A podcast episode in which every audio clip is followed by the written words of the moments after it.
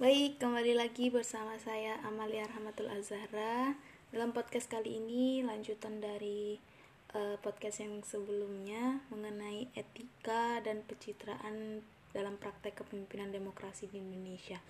Pada podcast kali ini saya akan uh, menyampaikan dua pertanyaan yang menurut saya perlu dikaji lebih jauh uh, mengenai hukum-hukum uh, yang ada di Indonesia. Pertanyaan yang pertama yaitu berikan contoh tiga studi kasus yang menggambarkan benturan nilai hukum yang sering terjadi di masyarakat Indonesia. Nah, di sini saya punya tiga kasus yang menggambarkan benturan nilai hukum yang sering terjadi di masyarakat Indonesia. Yang pertama yaitu terjadinya perkelahian atau tawuran antar pelajar karena kurangnya kesadaran pelajar terhadap hukum yang ada. Yang kedua yaitu kasus pelajar yang membunuh pelaku begal untuk menyelamatkan sang kekasih terancam hukuman seumur hidup. E, dan yang ketiga yang mungkin dua tahun atau tiga tahun yang lalu baru terjadi yaitu nenek Asyani seorang nenek yang terdakwa mencuri kayu yang difonis satu tahun penjara. Oke, kita langsung saja ke soal yang kedua yaitu temukan solusi solusi dari benturan hukum tersebut dengan kaidah Gustav. Nah, Gustav ini adalah se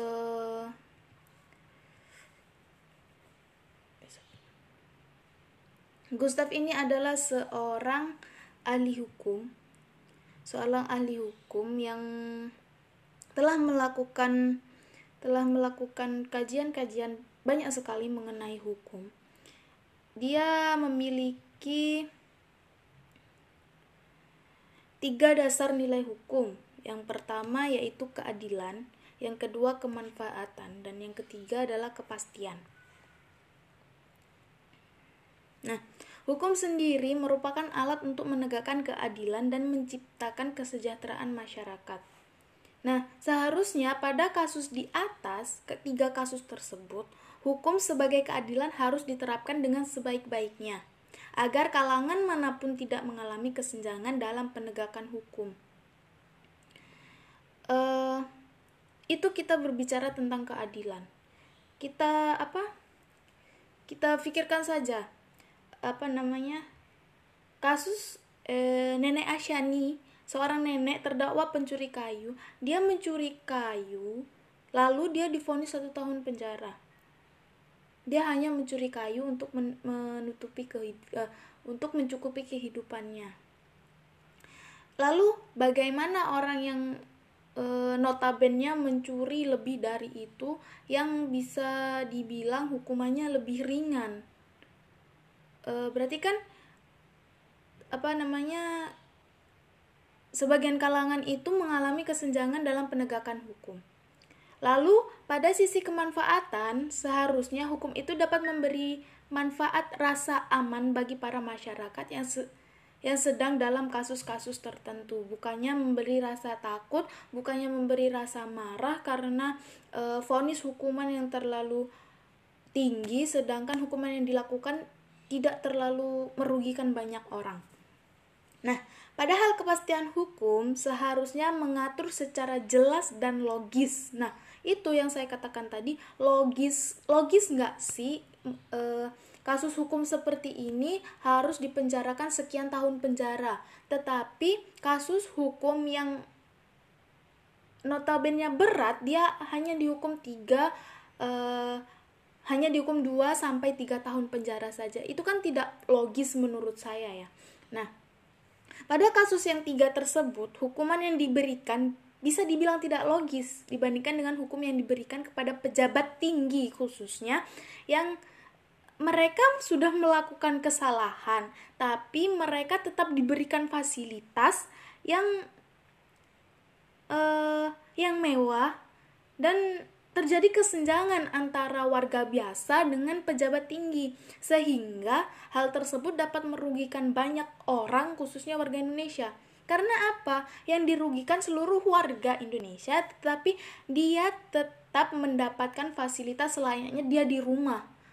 Nah, kan tidak logis hukuman yang diberikan tidak logis apa tempat yang seharusnya dia tempati itu kan harusnya di dalam sel penjara bukan tempat seperti hotel seperti itu terus yang terakhir pada kasus tersebut harus menggunakan dasar atau prioritas di mana prioritas pertama itu ada pada keadilan.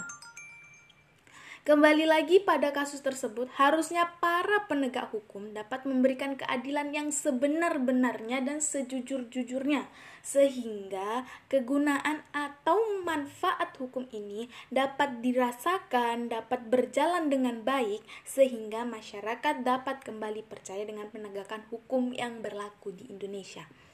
Oke, jika berbicara dengan hukum, memang tidak ada habisnya, teman-teman. Uh, hukum ini luas sekali, apa namanya, penjabarannya tetapi kita sebagai mahasiswa bisa mengkritisi uh, bagaimana sih sistem apa sistem kerja hukum yang ada di Indonesia. Contohnya seperti itu tadi. Adanya kesenjangan antara uh, si para pejabat tinggi yang melakukan kesalahan dengan masyarakat biasa. Harusnya jika uh, mereka sama-sama melakukan kesalahan, mereka juga mendapatkan perlakuan yang sama, bukan perlakuan yang dibedakan. Lalu, jika masyarakat yang melakukan hukum uh, yang terbilang berat mendapatkan hukuman yang berat, oh it's, it's okay lah ya kan. Tapi kalau pejabat tinggi negara melakukan kesalahan yang sangat besar, tetapi hukumannya tidak sebanding dengan kesalahannya, justru Hati siapa yang tidak marah, hati siapa yang tidak kecewa mendengarkan hal tersebut.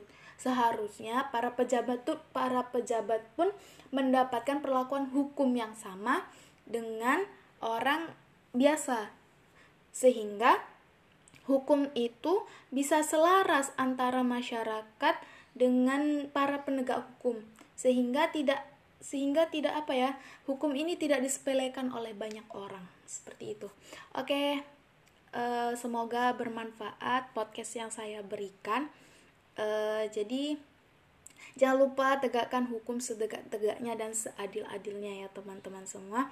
Mohon maaf bila saya ada kesalahan. Kurang lebihnya mohon maaf. Saya, uh, saya akhiri. Wassalamualaikum warahmatullahi wabarakatuh. Selamat sore dan salam sehat semuanya